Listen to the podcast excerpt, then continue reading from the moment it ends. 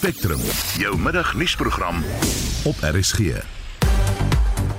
As you're aware, we are again facing a situation where our generation capacity is constrained. Stage 2 load shedding will be implemented. The outlook is for load shedding stage 3. The loss of power station units have forced ESCOM to increase load shedding to stage 4. Eskom ry wipplank met beerdkragfases, maar hoe lank gaan dit nog aanhou? Ons hou jou op hoogte van die tweede SARS oorstromings in KwaZulu-Natal. To see them today again having to be displaced, it is quite disturbing. But we had to immediately mobilize more resources, bring in the mattresses and blankets. And also, we are still continuing and having a team of psychologists that are here that are going to be providing them with the psychosocial support. En die weerdiens waarsku teen nog ontwrigtende reën in die provinsie. Die span in die ateljee is redakteur Marlenae Forsie, produksieregisseur Daitrin Godfrey en ek is Susan Paxton. Daar is geen verkeer. Daar staan 'n minibus taxi. Dis nou by eh, tussen die Marle Park Wisselaar en Hector Spruit Wisselaar. Dis is daar naby Komati Poort. In Johannesburg staan 'n voertuig op die N1 Noord net na William Nicol Rylaan linkerbaan toe daar. En in Pretoria staan 'n voertuig op die N1 Suid net na die proefplaas Wisselaar in die linkerbaan en dit is jou verkeersnuus.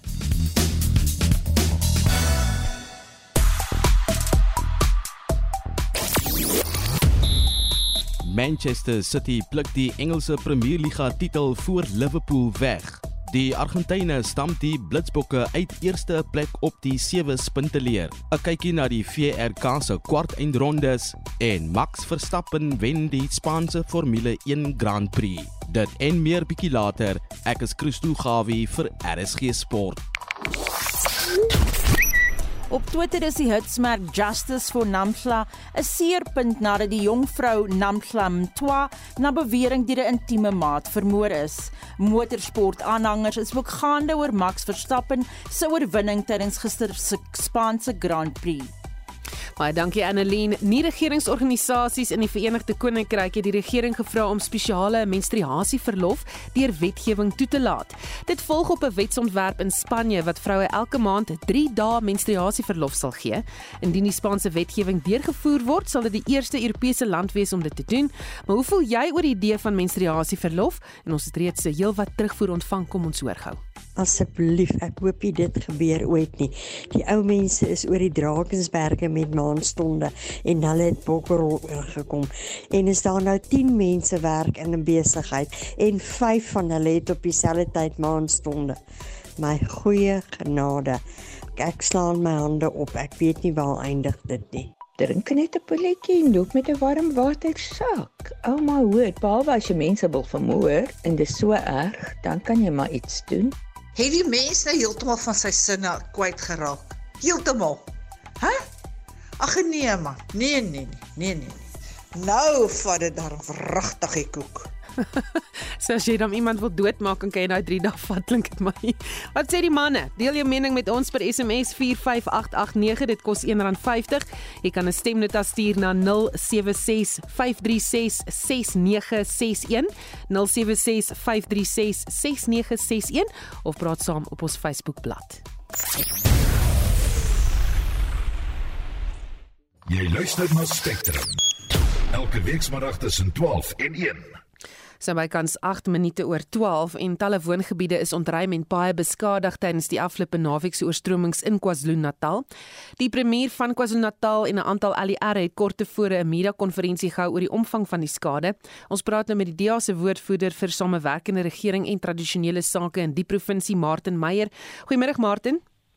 Middag, hoe gaan dit met? Met ons gaan dit goed, maar wat weet ons sover wat is die omvang van die skade daar? Ja, die die skade in in groot dele van die stad lyk daar nie so erg as wat dit in die April vroeër was nie, maar die die, die groot probleem is aangesien dit presies 'n maand gekom het na die na die groot oorstromings wat ons gehad het, was die grond nog baie versadig geweest en infrastruktuur was alreeds definitief beskadig, so dit het die die die skade van hierdie reën erg um, beïnvloed. En dan die noorde van die stad, veral Tongaat, Lamercy en Umhloti, um, het nogal swaar groep hierdie keer waar die vorige keer nie so erg die geloop het nie, maar die sentrale en die suidelike deel van die stad lyk 'n bietjie beter as wat dit na die vorige vloede gelyk het. Hmm. 'n Miljard rand is beloof om bystand te verleen aan die gebiede wat swaar getref is, maar nou word daar berigte daar nie eintlik ekstra geld is nie en dat sekere departemente net gevra is om te herprioritiseer. daarmee saam klink dit asof die geld nog nie beskikbaar gestel is aan die relevante owerhede nie. Weet jy iets hiervan? Ja, twee weke terug het ons ons begrotingsdebatte vir die week gehad um, in in die wetgewer hier in KwaZulu-Natal en die LER vir finansies het dit baie duidelik gemaak daar is nie 'n miljard rand en en en sê dit drie keer herhaal en die einde sê gesê dit bestaan nie, dit bestaan nie, dit bestaan nie. Ehm um, toe ons 'n bietjie gaan dieper grawe het om uit te vind wat presies aangaan, lyk dit asof die nasionale regering eintlik maar net verwag ons moet reprioritiseer en geld leen teen die vo volgende uh, begroting wat beteken ons sal minder geld beskikbaar wees in die volgende finansiële jaar en dat ons binnekort met die hele proses van herprioritisering in die in die wetgewer gaan moet begin om om die geld te vind en dit lyk nie of daar regtig enigstens hulp van die nasionale regering af gaan kom nie. Is daar dan wel enige heropbouprosesse aan die gang? Ehm um, in die stad van eThekwini ehm um, het daar al bietjie werk begin op paaie. Ehm um, die hartjie saak is twee van die vier brûe wat hulle al reeds herbou het, het hierdie naweek weer verskoel. Ehm um, wat wat beteken weet die die geld wat daar spandeer is ongelukkig nou weet gaan weer spandeer moet word. Ehm um, so stadig maar seker is daar redelik werk wat wat begin het. Die groot krisis bly nog steeds die, die feit dat 80% van ons rioolwerke in eThekwini is totaal vernietig en gaan van voor af herbou moet word. Dit beteken dat meeste van van die rioolafval loop reguit in ons riviere en die strand en in die see in, dis hoekom ons strande nog steeds toe is. En dan is groot dele van die noorde van die stad, uh veral rond, rondom Tongaat en die lughawe, ehm um, het nog steeds geen water nie want die waterwerke is ook totaal uh, verspoel en dit gaan miljarde rande kos. So ehm um, ek dink die stad en die provinsie probeer nog geld kry om om daai probleme aan te spreek. Wat is jou raad aan inwoners? Kan hulle enige voorsorgmaatreëls tref? Ja, kyk die die groot probleem wat ons hoop nou die ergste van die van die reën is verby. Ehm um, en dat ons nie weer binnekort weer weer sulke groot stromings getref sal word nie. Ehm um, ek raai maar nog steeds inwoners aan om om eh uh, liewers met water eh uh, water te kook voor hulle drink. Ehm uh, moet ons is nog steeds nie 100% seker van die veiligheid van die water nie, nie net so vir riool wat wat regtig in ons riviere ensovoorts instroom nie. Ehm um, en om dan maar net uh, ja, ehm uh, weet ek dink die ander groot probleem wat ons het is baie mense staan nog dakloos, woon in ons gemeenskapsale en ons weet daar's baie druk op ons mense in in Durban, maar as enigiemand nog kan help uh met komberse met klere met voedsel ehm um, sal dit baie waardeer word. Dit is nou tyd vir ons as 'n stad en as 'n provinsie om saam te trek um, en saam te werk teen hierdie probleme wat wat ons het weet daar is nog duisende mense wat ongelukkig nou in ons gemeenskapsale woon uh omdat hulle huise verloor het. Ehm um, en dan ook moet ons begin kyk na waar ons ons informele nedersettings is wat reg langs die riviere is en dan sê ons begin uh ferm aksie neem om seker te maak dat mense liewer in veilige areas woon en nie so reg langs die riviere nie want dis waar die meeste van ons sterftes uh, voorgekom het met die vorige vloede en waar daar weer eens baie groot skade was met hierdie naweek se groot reën. Baie dankie. Dit was Martin Meyer, die DEA se woordvoerder vir die samewerkende regering en tradisionele sake in KwaZulu-Natal. Ons bly by die storie en vir die jongste op voedselvlak, praat ons nou met die paramedikus en woordvoerder van Medi Response in Durban, Leon Fourie. Goeiemôre Leon. Goeiemôre. Hoe gaan dit? Dit gaan goed, maar hoe het jou oggend verloop? Ehm um, ja, ons gaan aan. Ehm um, ons het uh heelwat ehm um, vermiste persone het het mense voor in dag gekom en gesê mense is vermis. Ehm um, paar lyke is alweer vanoggend ehm um, ontdek. So ja, die die operasie gaan sterk aan. Ja, wat is julle grootste uitdaging sover? Dis maar net weer die ontoeganklikheid vir baie areas. Ehm um, waar waar baie voorheen oopgemaak was, is dit nou net weer heeltemal oorstroom sand en uh, rotsvallings. So ja, is maar net die die toeganklikheid op baie en goed weer. Ja. Leon, jy het nou gepraat van uh, jy het lyke gekry, is daar al enige getalle beskikbaar? Ja, tot en met datum, wel tot en met vir nou het ons omtrent so 6 lyke al gekry. Um in areas wat ons gesoek het. Maar soos ek vroeër vanoggend gesê het, is soos die mense inkom en uh, vermiste persone um aan aanmeld, dan gaan soek ons in daai areas en ek doodseker ons wil nog meer kry. Hmm. Dink jy mense verstaan die omvang van die skade wat daar nou is? Ek kry die ek kry die spesmaas dat mense nie regtig vir al buite die provinsie nie regtig ehm um, verstaan hoe groot die skade in in uh, Durban is in die omgewende areas nie. Ehm um, ek dink nie mense verstaan 100% nie. Jy weet soos ek vanoggend gesê het, dis daar's modder in die in die tweede verdiepings um, en vir so baie modder om so op te kom. Dink jy mense jy, jy kan nie reg verstaan totdat jy dit sien nie. Hmm. Dit is nou die tweede voorval van oorstromings in die provinsie, ehm um, na die oorstromings in April. Wat sê die mense wat hierdeur geraak word waarmee jy praat nou?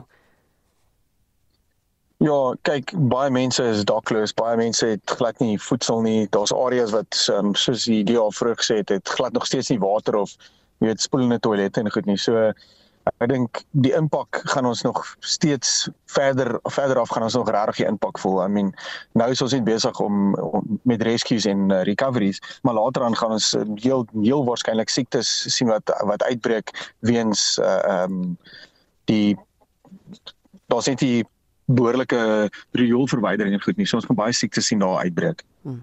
Baie dankie. Dit was 'n paramedikus en die woordvoerder van Medi Response in Durban, Leon Fourie. Die weerdiens waarskyn tussen teen ontwrigtende reënbuie wat kan lei tot oorstromings en modderstortings oor die noordoostelike dele van KwaZulu-Natal. En vir meer besonderhede praat ons nou met die voorspeller Wayne Venter. Goeiemôre Wayne. Goeiemôre, goeiemôre aan al die luisteraars. Soos 'n vinnige raak aan die waarskuwing wat jy vanoggend uitgereik het, kan jy vir ons daarop uitbrei? Ja, ons het nou ehm um, swaar ingehaal die afgelope naweek oor gedeelte van KwaZulu-Natal vir die sentrale kus. Ehm um, en dit het nou nou die lug van gisterand en vanoggend na die noordkus van KwaZulu-Natal beweeg. Ons het ook so vlak ehm um, twee waarskuwings uit vir die moontlikheid van ehm um, 'n plaaslike oorstroming so langs die noordkus noord van Richards Bay vir vir, vir vandag. Maar dit sal dan later vanmiddag en vanaand begin opklaar. En dan vir die res van die land het ons geen waarskuwings nie. En die res van die week? Die res van die week lyk eintlik baie goed vir oor die binneland en veral oor die oostelike gedeeltes en dan ook vir KwaZulu-Natal. Ons het geen ding in die voorspelling vir meeste gebiede nie. Ons het 'n klein koue front wat môreoggend oor die Suidweskaap gaan inbeweeg. So 'n bietjie reën vir die Suidweskaap. Ehm um, en dit sal langs die Suidkus uitbrei ehm um, teen Woensdag maar dan vir die res van die week geen reën vir vir die res van die land nie. Ons het dan weer 'n groter of 'n sterker koue front wat sien in Noordwes oor die Weskaap sonder die so ons hou dat daai stelsel dop oomblik. Hmm. En hoe lyk die jongste reënvalsyfers in KwaZulu-Natal? Ja, ons het ongelooflike groot reënval syfers gehad, veral langs die kus van KwaZulu-Natal. Ons ons het op die oomblik van van gisteroggend tot vanoggend was daar nie baie reën wat voorgekom het nie was daar meer reën langs die noordkus van KwaZulu-Natal en die laafval van Mpumalanga en Limpopo asook die Pretoria-rand. Maar oor veral Saterdag en Sondag het ons tussen 200 en 250 mm gehad veral rondom Durban en um, Port Shepstone. So ons het goeie reënvalsyfers gehad ja vir 'n paar dae en daai areas ongelukkig het dit voorgekom in die areas wat in April deur die vloede geraak was en dit het dan nou 'n groot skaalse ehm um, vloede en skade veroorsaak vir al as like is. En wat van sneeu, lyk like daardie neerslaan kan ons nog verwag? Op die oomblik vir die res van die dag het ons geen sneeu neerslag in die voorspelling nie. Ons het redelike goeie sneeu neerslag gehad oor Lesotho. Ehm um, maar vir Suid-Afrika vir meeste van die gebiede was dit maar baie min um, en mense die hoogste bergpieke van die Oos-Kaap, die noordoostelike deel van die Oos-Kaap meeste van die stemme het wel voorgekom in die situasie. Baie dankie. Dit was 'n voorspeller by Suid-Afrikaanse Weerdiens, Wayne Venter. Nou nou Annenis, niemand behalwe Eskom weet in watter fase van beerdkrag ons onsself volgende gaan bevind nie. Dis die mening van talle Suid-Afrikaners wat warm onder die kraag is oor die gedurende afwisseling van beerdkragfases. Om die duisendes vir ons te belig, praat ons nou met 'n spesialis energieverslaggewer by Rapport Antoinette Slabbert. Goeiemôre Antoinette. Goeiemiddag. Hoor jy lag 'n bietjie daaroor. Kan jy ophou oor of kop hou oor fases of in watter fase van beerdkrag ons tans beleef en wat dit beteken? Ja nee, kyk 'n mens moet deesdae die hele tyd die radio aan hê of op Twitter wees of jy weet jy moet die hele tyd net kontak hou met die jongste aankondigings van Eskom om te weet op watter fase jy is en dan moet jy sorg dat jy die regte rooster het En dan moet jy hoop dat jou munisipaliteit hou by daai rooster en dat wanneer hulle die krag weer aan die einde van jou beurt aanskakel dat dit wel aangaan. Dis maar droewig en dit in hierdie koue, né? Mm. Hou Eskom voortdurend by die beerkragskedule of voel dit net vir die verbruiker asof dit liekraak toegepas word? Ek dink eh, vir die verbruiker voel dit definitief eh, asof mens nooit weet uit watter rigting kom Eskom nou met die volgende klap wat hy uitdeel nie. Maar 'n mens moet verstaan dat beerdkrag 'n noodmaatreël is. So Eskom probeer om die beerdkrag tot die minimum te beperk want dit kos ons almal baie geld en baie moeite en verdriet as ons beerdkrag het. So jy weet dit sal nou baie uh, meer voorspelbaar wees as Eskom die hele tyd sê ons bly op fase 4. Maar om ons daai ellende te spaar, wanneer Eskom sien sy stelsel verbeter 'n bietjie dan uh, skakel hy terug na fase 3 toe en, en oogits dan breek daar nog 'n een eenheid dan gaan ons weer na fase 4 toe. So dit is dis ver van ideaal af. Ehm um, dit is onvoorspelbaar, maar Eskom sê self hy weet nie wat volgende gaan gebeur op sy krag uh, uh, kragstelsel nie. So dit is maar waar ons is. Wat is van die belangrikste kragstasies wat dringend instandhouding benodig? Soos aan al die kragstasies moet voortdurend in stand gehou word. Dit is die aard van kragstasies en basies van enige masjinerie. Ehm um, nou moet ons onthou daar's al klaar 'n geweldige agterstand met instandhouding by Eskom. Ehm um, die die drie groot probleemkinders is Tutuka, Kendall en Duwa. As daai drie behoorlik funksioneer, dan sal ons aansienlik minder probleme en baie minder beerdkrag hê maar hulle is oud, hulle is verwaarloos en uh, Eskom sukkel om by te hou met sy uh, met sy instandhouding. Dan is daar die die groot uh, uh, nuwe kragstasies Medupi en Kusile en ook die ander groot staatmaker Kuiberg wat elkeen 'n baie belangrike rol speel, maar ons weet by Medupi en Kusile is daar ontwerpfoute wat veroorsaak dat hulle nie funksioneer soos nuwe kragstasies nie.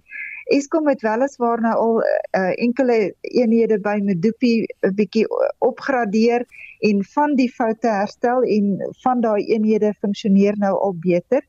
En dan is daar Kuiberg wat regtig 'n staatmaker is, maar een van sy eenhede is op die oomblik afgeskakel vir groot instandhouding en uh, stappe om die lewe van Kuiberg te verleng. En wanneer daai eenheid hy moet nou in Junie terugkom en ons hoop dit gaan gebeur wanneer Eskom sê vroeg in Junie om ons deur die winter te kry. Hmm. Maar daarna in September moet die ander eenheid weer afgehaal word en so eenheid is 900 megawatt. Dis omtrent een fase van beerdkrag. Die, die minister van openbare ondernemings Pravin Gordhan het laat blyk dat fase 8 beerdkrag 'n moontlikheid is. Hoe sal fase 8 lyk? Wel as dit fase 8 is, gaan ons meer sonder krag as met krag wees. Ehm um, ek dink wat 'n mens moet verstaan is dat beerdkrag is 'n ehm um, 'n sistematiese manier om 'n noodsituasie te te bestuur. So daar is 'n nasionale standaarde, NRS standaard vir beerdkrag en daarvolgens is daar 8 verskillende fases.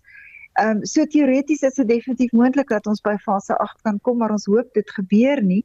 Maar selfs as daardie stelsel nou uitgeput is, as ons nou al daai is ehm um, hoe sê mens in Engels levers getrek het, al daai uh, meganismes gebruik het, dan is daar nog steeds ingeboude noodmaatreëls in Eskom se stelsel.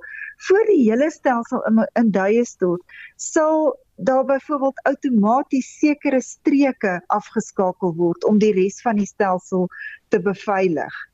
Maar die feit is net alles jy weet die funksionering van Eskom se kragstasies raak elke jaar erger en waar ons nou is voorspel Eskom omtrent 295 dae beerdkrag eh, ehm in die die winter en die volgende somer. So eh, dit is dit is regtig nie 'n goeie vooruitsig nie. Die onafhanklike kragprodusente, ons het al gehoor van verskillende botvensters, maar wat beteken dit vir die publiek? Wel, dit is maar die manier waarop die regering die uh, uh die onafhanklike kragverskaffers se energie aankoop. En uh, dit is maar aankooprondes. Nou vandat so ronde afgehandel is, vat dit omtrent 18 maande na 2 jaar voor daai uh aanlegte nou aangeskakel en aan die netwerk verbind word. So dit wat nou byvoorbeeld hierdie jaar al uh, aan die gang gesit is, die aankope wat aan die gang gesit is, gaan nog uh, um omtrent 2 jaar vat voor ons dit in ons stelsel kan sien en voor dit kan help om verligting te bring. Uh daar is van die vorige rondes nou al reeds aan die netwerk gekoppel en uh van die aanlegte soos hulle klaar kom word gekoppel maar ons moet baie vinniger koop. Ons moet baie meer koop om hoegenaamd 'n duik te maak in die tekort aan verskaffingsvermoë wat Eskom op die oomblik ervaar. Baie dankie. Dit was 'n spesialis energieverslaggewer by Rapport Antoinette Slabbert. Johannesburg oorweeg alternatiewe maniere om die ligte tydens beerkrag aan te hou. Die kwessie is bo aan die agenda by die metro se eerste energie en daba wat vanoggend begin het. Energie en beleidskenners asook potensiële onafhanklike kragprodusente word by die tweedaagse byeenkoms in Sandton verwag. Beerdkrag is deesdae alledaags en mense begin dit meer gelate aanvaar. Dit is teen hierdie agtergrond dat die stad se energie in Daba sal plaasvind. Die stad se burgemeesterskomitee lid vir omgewing en infrastruktuurdienste, Michael Sun, sê hulle hoop om vorendag te kom met 'n energiestrategie en 'n tydlyn om dit in werking te stel. As many residents would know and actually feel that there is a result of the continuous rolling blackouts, our livelihoods and businesses and our lives are being impacted. And the city of Joburg residents are no exception to this problem. And this is why we are holding the Energy Ndaba. We want to ensure that we invite the best minds in the industry, market leaders, solution providers, professors, academics, to come and advise us as to how we can best provide efficient and cost effective electricity to our residents. Dis veral klein sake wat deur beerdkrag geraak word. Baie het nie die infrastruktuur om te funksioneer as die krag af is nie. Dit verhoog hulle uitgawes en verminder hulle winste.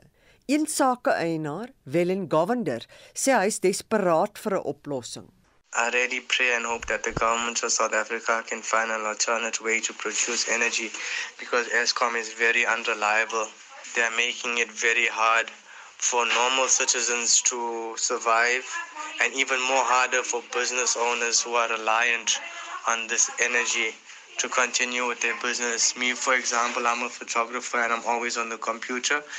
However, ESCOM has made it very, very difficult. Sometimes the load shedding is not even going off on the times that they say they are, and it unexpectedly goes off. And it's really ridiculous, and I hope something will be done soon about it.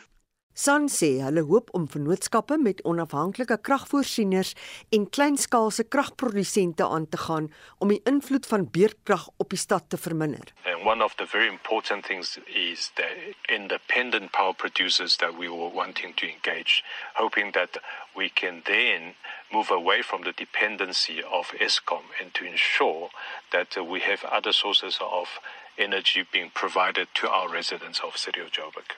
Die energiekenner Ted Blom sê egter die stad moenie te vinnig besluit nie en moet alle insette oorweeg wat by die Indaba gelewer word.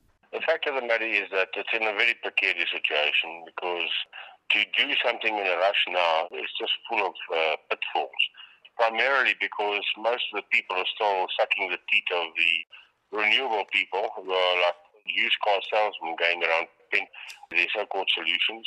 If we go down the renewables route for Joburg, that'll be the end of the Joburg economy because we need sustainable power. You can't have power just for two or four hours a day, which is the best of what renewables can offer without a storage. So hopefully sense will prevail and hopefully people will, instead of just going off in a mad rush, will sit down and get some sensible input from a wide spectrum of people and look for a hybrid solution. Blom sê een plek om te begin is om 'n sogenaamde energieprofiel vir die stad op te stel. Well, I think the first thing that anybody with half a brain cell would do is to get a full grip of what the energy profile is. Because without the energy profile, you don't know what solutions can match that. You've got to match the demand profile with the supply profile. Any mismatch there will immediately lead to load shedding and not solve the problem. So you need somebody with an energy planning background, uh, somebody who's deeply steeped into what the requirements are of a grid or a mini grid for Joburg, and somebody that's not truly independent, not these people that come here and they come with bank finance allegedly free of charge, which is a lie anyway, and all sorts of promises about renewables sorting out our problems. Die kragnetwerk is op die oomblik onder groot druk weens die koue weer en toenemende energieverbruik. Sasha Naidu het hierdie verslag in Johannesburg saamgestel. Mitsi van der Merwe, SAK nuus. Nou bly ingeskakel want ons praat binnekort meer hieroor met professor Willie Kronje van die Skool vir Elektriese en Informasie Ingenieurswese aan die Universiteit van die Witwatersrand. Jy luister na Spectrum. Op RSG. Later in die program 'n Spaanse wetsontwerp poog om vroue 3 dae per maand menstruasieverlof te gee. Dit is 'n baie problematiese idee want ons moet dink aan produktiwiteit. As mense 3 dae in 'n maand nie by die werk is, dan beteken dit hulle verloor 3 werkdae. Ons praat met die wêreld se beste wyn brandewynmaker en ons hoor wat by Johannesburg se energie en Daba moet gebeur om die kragkrisis in die metro hok te slaan. Bly ingeskakel. Daar is geen verkeer. In Gauteng is daar padwerk op die R21 Noord net na Olifantsfontein weg, twee bane wat gesluit is. Daar gaan die verkeer ontwrig en dan lyk dit vir my ehm um, staan daar ook 'n vragmotor op die N1 suid net na die proefplaas wisselaar in die linkerbaan en dit is jou verkeersnuus.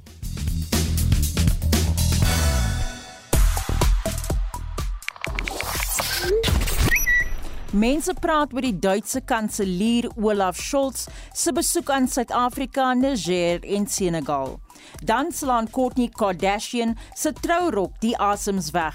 Dit is veral die sluier van die Dolce & Gabbana skepping wat die meeste aandag trek. En dan sien ek hierse luisteraar wat 'n boodskap gestuur het en gesê het ek bly in die Bluff in Durban en net Vrydag nag tot uh, gistermiddag 330 mm reën gemeet, veel meer as die 250 mm soos deur die SA weer ingelig. Dan oor ons vraag oor menstruasie met 'n 5 dag werkweek gaan daar uh, baie werksverlies wees aan vroulike teenwoordigheid in die arbeidsmag. Minder vroue gaan aangestel word, voorspel Jasper Estreisen. En dan iemand wat sê menstruasie, ek het elke maand 2 en 'n half weke lank gebloei en erge pyn gehad weens endometriose en nooit van die werk afgebly nie. Voortrekker oor die Drakensberg sê die persoon. En vrouens kry reeds kraamverlof wat reeds veroorsaak dat besighede eerder mans aanstel as hulle nog 15% van 'n maand nie gaan werk nie, maar tog salarisse wag, gaan hulle tog nog minder aangestel word. 'n um, Persentasie gewys teenoor mans. Uh, en nog iemand wat sê toe ek jonk was, het ek soveel pyn gehad tydens maandstonde dat ek letterlik wou sterf, selfs gebid om liewer dood te gaan as om dit te verduur. Destyds was toestande soos endometriose nog nie so algemeen gekommunikeer soos vandag nie. Niks het gehelp vir die pyn nie, nie eers die sterkste pynpille op die mark nie. So ek stem ten gunste van die verlof mits 'n dokter bevestig dat jy endometriose het en dis Ansie wat so vir ons sê. Kom ons luister na nog mense se um, inligting of gedagtes hieroor. Dis almal Chrissy. Wat se nonsens is dit hierdie? Dis net pieperigheid. Dit is net nog 'n rede om leeg te lê. Ons is almal daardeur, jy drink 'n ou pynpilletjie en jy gaan aan met jou lewe in plaas van om te gaan sit en jammer voel vir jouself. Wat van die sportbasies? Wat van eksamens skryf? Moet nou iets wees wat hulle nou eers moet wag totdat hulle nou eers gereed is daarvoor. As 'n vrou wat nie pyn gehad het nie, ek wil werk. Ek dink mense wat pyn het, ek dink mense moet hulle moet geakkommodeer word. Miskien gee hulle fleksiteit dat as hulle daar wil afvat, dan kan hulle nou daai 3 dae of maar inwerk 'n uur ekstra elke res van die maand of so. Miskien het hulle ook nie al 3 dae nodig nie. Dit wissel mos van persoon tot persoon. So ek dink mens moet dalk net maar net mense akkommodeer met daai pyn. My bekommerde is net dat ons as vroue nou weer agter die ry gaan staan as ons kom by aanstellings want o, jene nie, ons wil eerder iemand hê wat al die dae van die maand werk. Nou ja, deel jou mening met ons per SMS 45889. Dit kos R1.50. Jy kan oor enige van die ander temas ook saamgesels as jy sou wou. Jy kan ook 'n stemnota stuur na 0765366961 of praat saam op ons Facebookblad. En ons beweeg na die sportveld met Christo Gawie. Goeiemiddag. Manchester City het weer die Engelse Premier Liga gewen nadat hy Aston Villa in 'n dramatiese wedstryd met 3-2 geklop het en dit nadat hy na 75 minute nog met 2-0 agtergeloop het. Manchester City het die titel met 3 skitterende doele binne die bestek van 5 minute en 36 sekondes teen Aston Villa beklink. Liverpool het tweede geëindig gevolg deur Chelsea en daarna Tottenham Hotspur. Die Blitsbokke se gesukkel die naweek in Frankryk het hulle die eerste plek op die punteleer van wêreld rugby se sewes reeks gekos. Argentinië is nou in eerste posisie met 118 punte, gevolg deur Suid-Afrika met 116 punte. Fiji het gister die titel gewen deur Ierland in die eindstryd met 29-17 te klop. Daar's nog twee toernooie oor in die huidige seisoen. Eerskomende naweek in Londen en op die 27 en 28ste Augustus in Los Angeles. Die SA vroue sewe span het ook vasgeval teen Skotland. Hulle moes met 'n 10de plek in die Toulouse sewe toernooi tevrede wees nadat hulle ook gister teen Skotland met 24-10 verloor het. Hulle het wel vir Spanje om die 9de plek met 21-19 geklop. Die afgelope naweek het die Bulls Ospreys met 38-31 geklop in VRK kragmetings. Die Lions het Saterdagmiddag met 'n goeie 21-11 oor die Dragons geseëvier, terwyl die Stormers met 26-21 teen Scarlets gewen het. In die kwartfinale sien ons Glasgow Warriors teen Leinster, die Stormers teen Edinburgh, Ulster teen Munster en die Bulls teen die Sharks. Max Verstappen het gister die Spaanse Formule 1 Grand Prix gewen. Dit was Verstappen die huidige wêreldkampioen se 24ste Grand Prix oorwinning en sy 4de sege in 6 renne van jaar.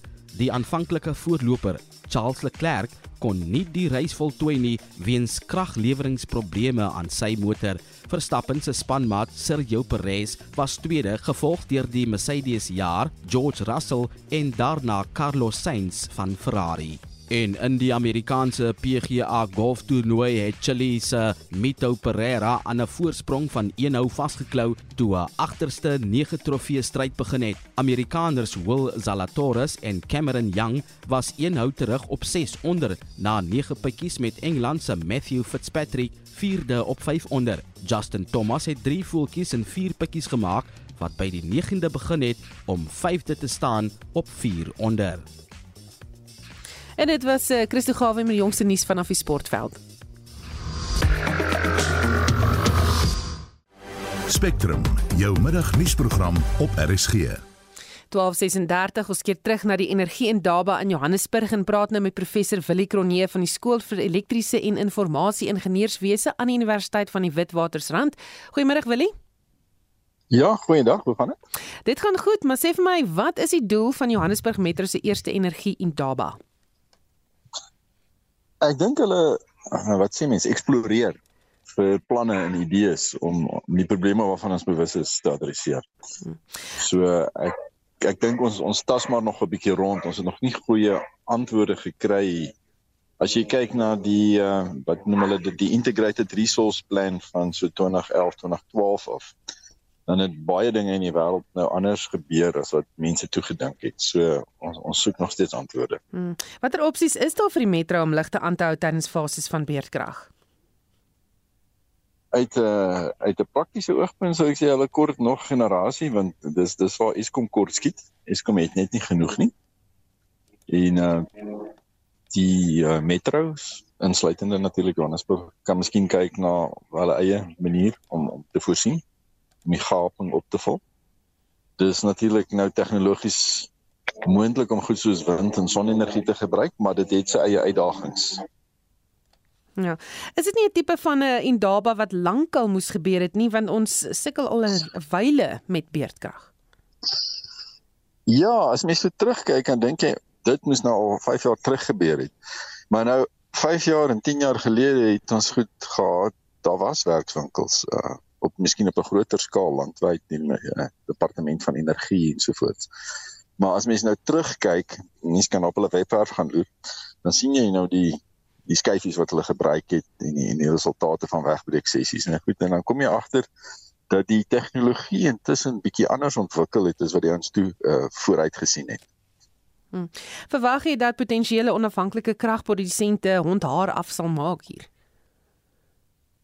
Hulle het maar 'n 'n stywe opdraande wat hulle moet uitgaan. Dit is nie net die bou van een kragstasie nie of 10 of 100 nie.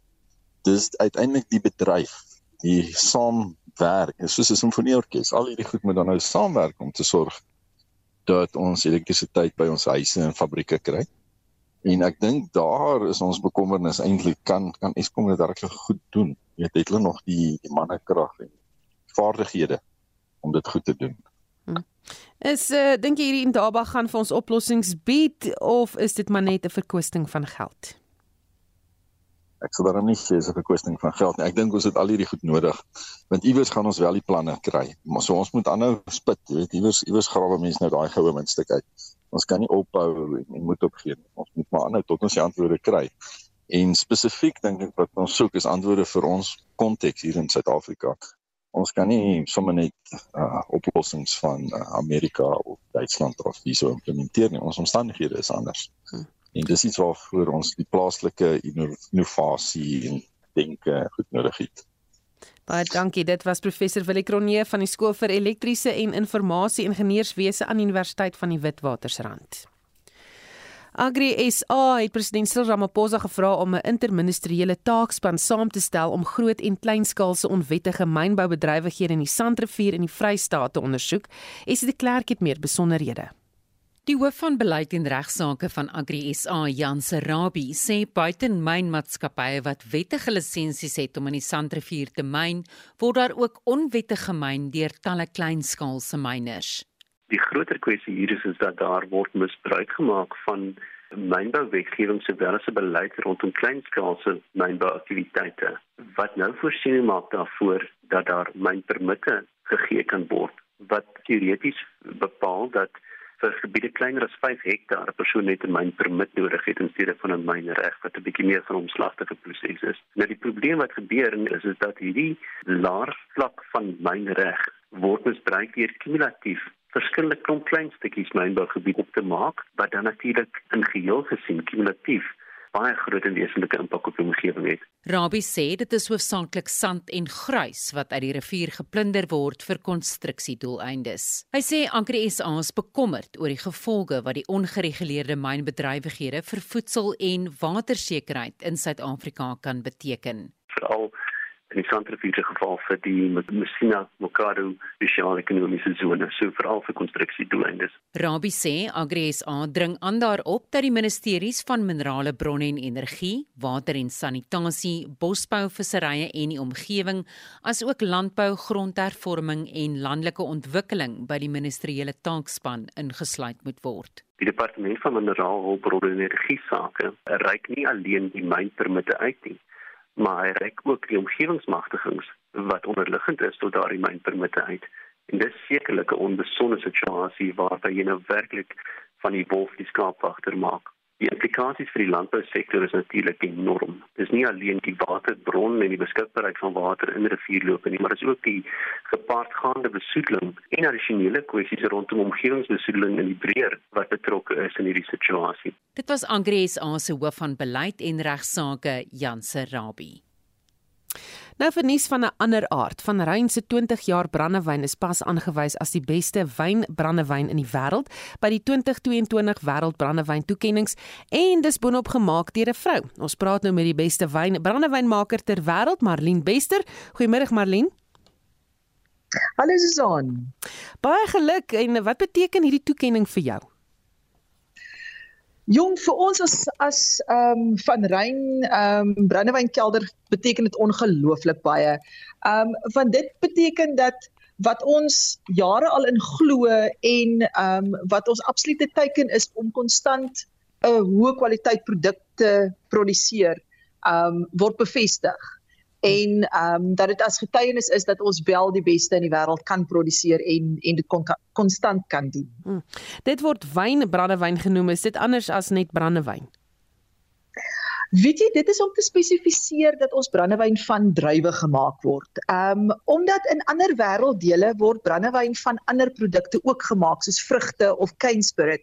So dit is maar net 'n klassifikasie wat sê soos met konjak word ons brandewyne van druiwe gemaak.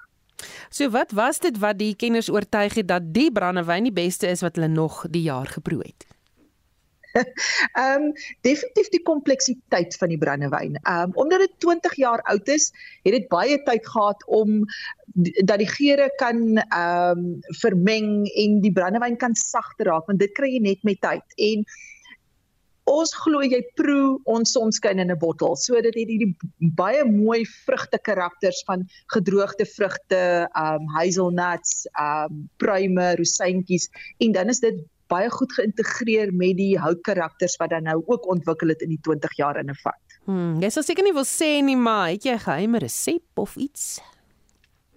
Ja, ag ons almal het mos maar 'n geheime resep wat ons met niemand mag deel nie. So daar is definitief 'n resep. Waar kom die liefde vir die maak van brandewyn vandaan? Weet jy, ek het ek het begin in die spiritusbedryf, ehm um, waar ek begin whisky maak het en daar het ek ehm um, verlief geraak daarop om spiritusprodukte te maak. En 10 jaar later het ek die kans gekry om by Van Rein in te skuif en te begin brandewyn maak en dit is maar net jaar op jaar raak dit ek meer van 'n passie omdat daar daar soveel kuns en tyd ingaan om 'n mooi produk in 'n bottel te kry. So dit is maar net dit bly 'n liefde. Baie dankie. Dit was die meester distilleerder van Van Reins en eh, die wêreld se beste wynbrandewynmaker Marlene Bester. Regslei in Spanje debatteer of vroue geregtig is op 3 dae menstruasieverlof per maand. Daar's vroue wat erge pyn ervaar maar steeds werk toe gaan. Annelien Moses het professor Amanda Gous van die departement politieke wetenskap aan Universiteit Stellenbosch gevra of hierdie voorstel vergesog is. Ek dink dit is 'n baie problematiese idee want ons moet dink aan produktiwiteit, né? As mense 3 dae in 'n maand nie by die werk is, dan beteken dit hulle verloor 3 werkdae. Nou mense kon sê goed mense kan aanlyn werk, maar die punt is nie almal kan aanlyn werk nie. So ek dink werklik 'n mens moet eerder dink aan 'n manier om menstruasie vir vrouens te verlig. Op 'n manier wat dit vir hulle nog steeds moontlik maak om werk te kan gaan. So 'n konsep wetgewing, dink jy dat dit in Suid-Afrika geslaag kan wees? Ek twyfel dat dit enigstens ergens in die wêreld geslaag kan wees. Ek weet nie eh, Spanje het miskien idees daaroor, maar dit is 'n groter vraagstuk vir my. Dit is 'n vraagstuk wat ook sê dat ons met ander woorde na menstruasie begin kyk as 'n siekte. En dit uh, in in 'n sin demoniseer weer vrouens en vrouens se reproduktiewe uh, kapasiteite. Ek dink die groot probleem hoekom vrouens sukkel met menstruasie is omdat daar nie genoeg pynbeheer is nie in in 'n land soos Suid-Afrika, daar's nie toegang tot sanitêre doekies nie. So dit is goed waaraan daar aandag gegee moet word.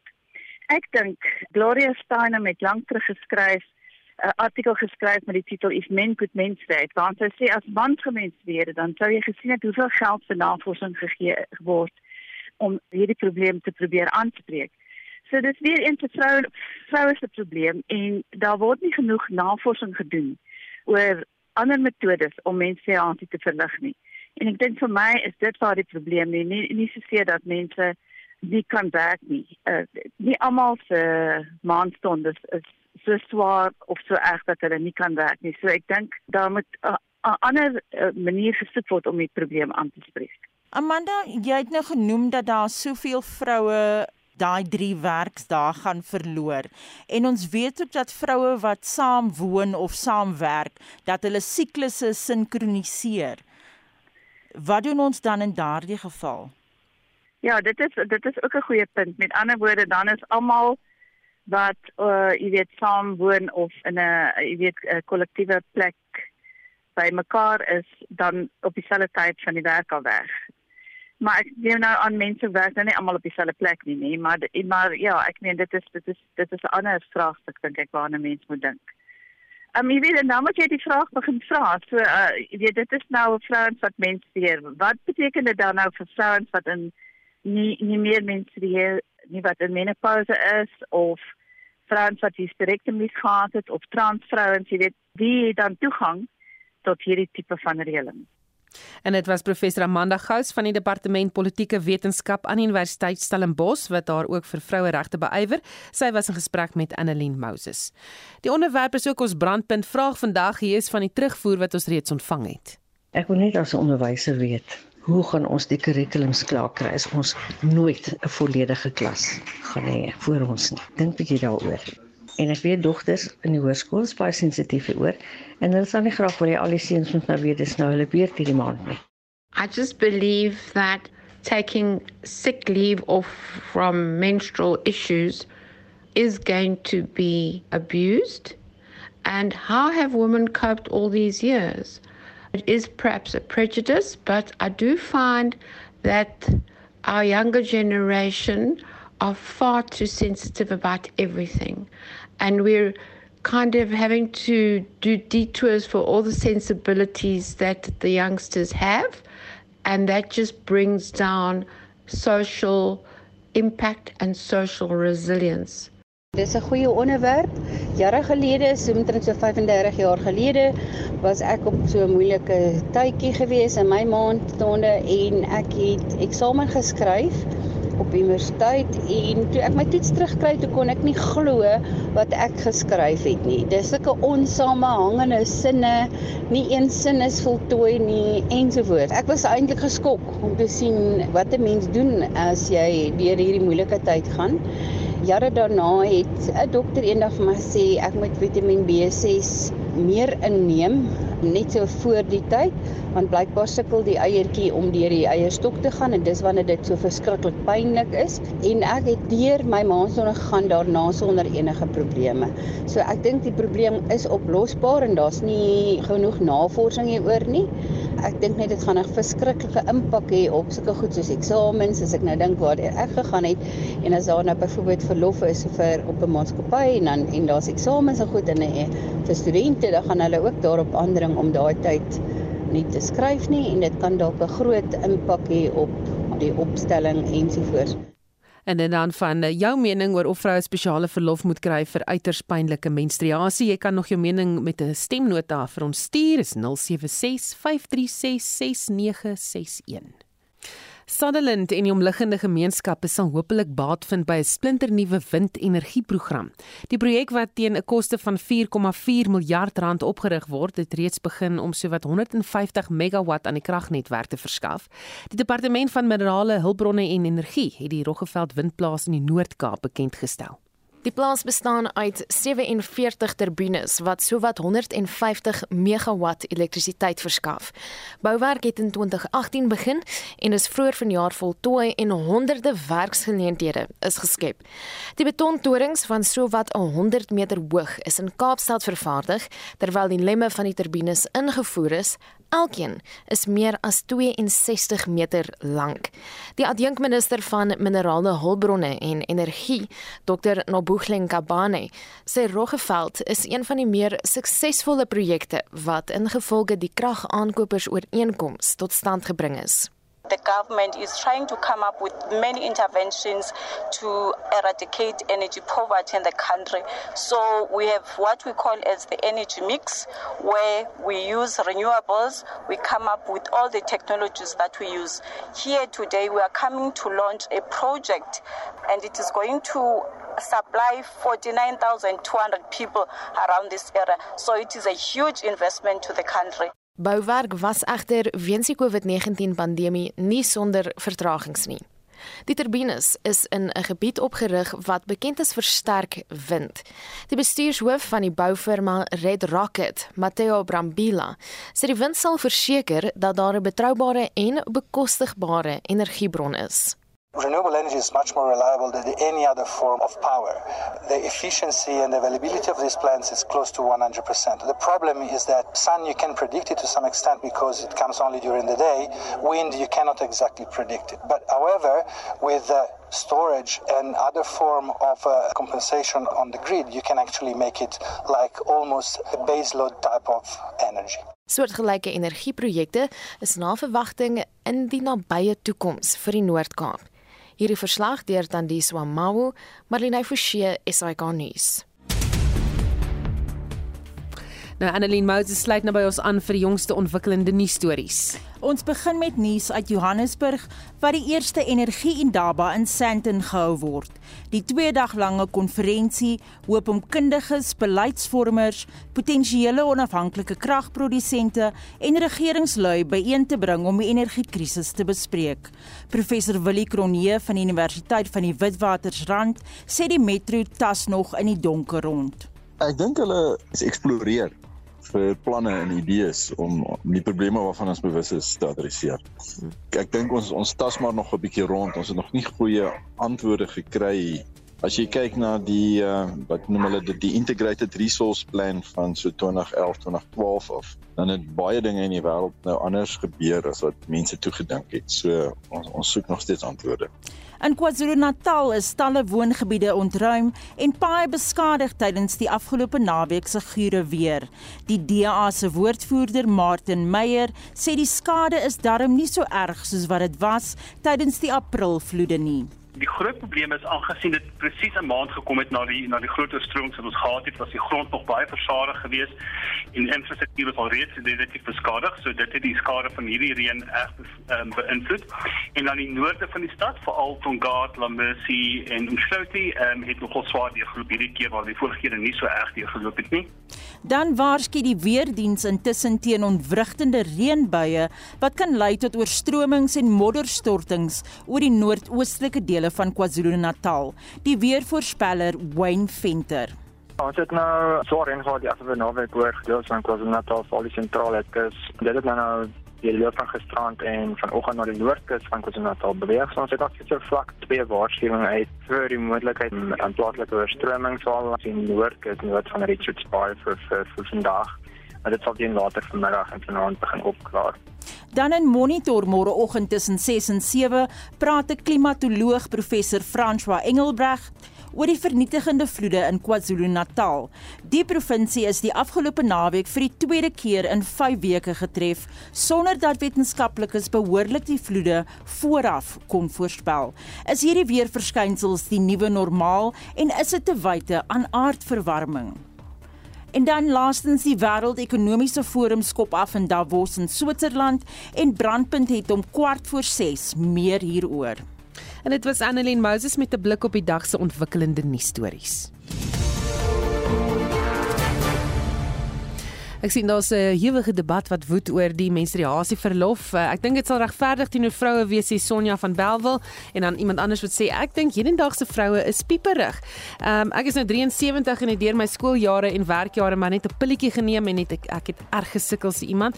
Nog iemand wat sê hoeveel onsin gaan ons nog hoor? Drink 'n pynpil en ruk jou reg is 'n ontstoke vrou van Karla. Of haar naam is Karla. Maar dan moet ek ook sê daar is mense wat ek weet ehm um, jy weet uh, endometriose het en hulle loop baie keer soos vraagtekens is regtig baie seer, baie pynlike ding. So ek dink mense moet dit onderskat nie. Interessante debat hierdie.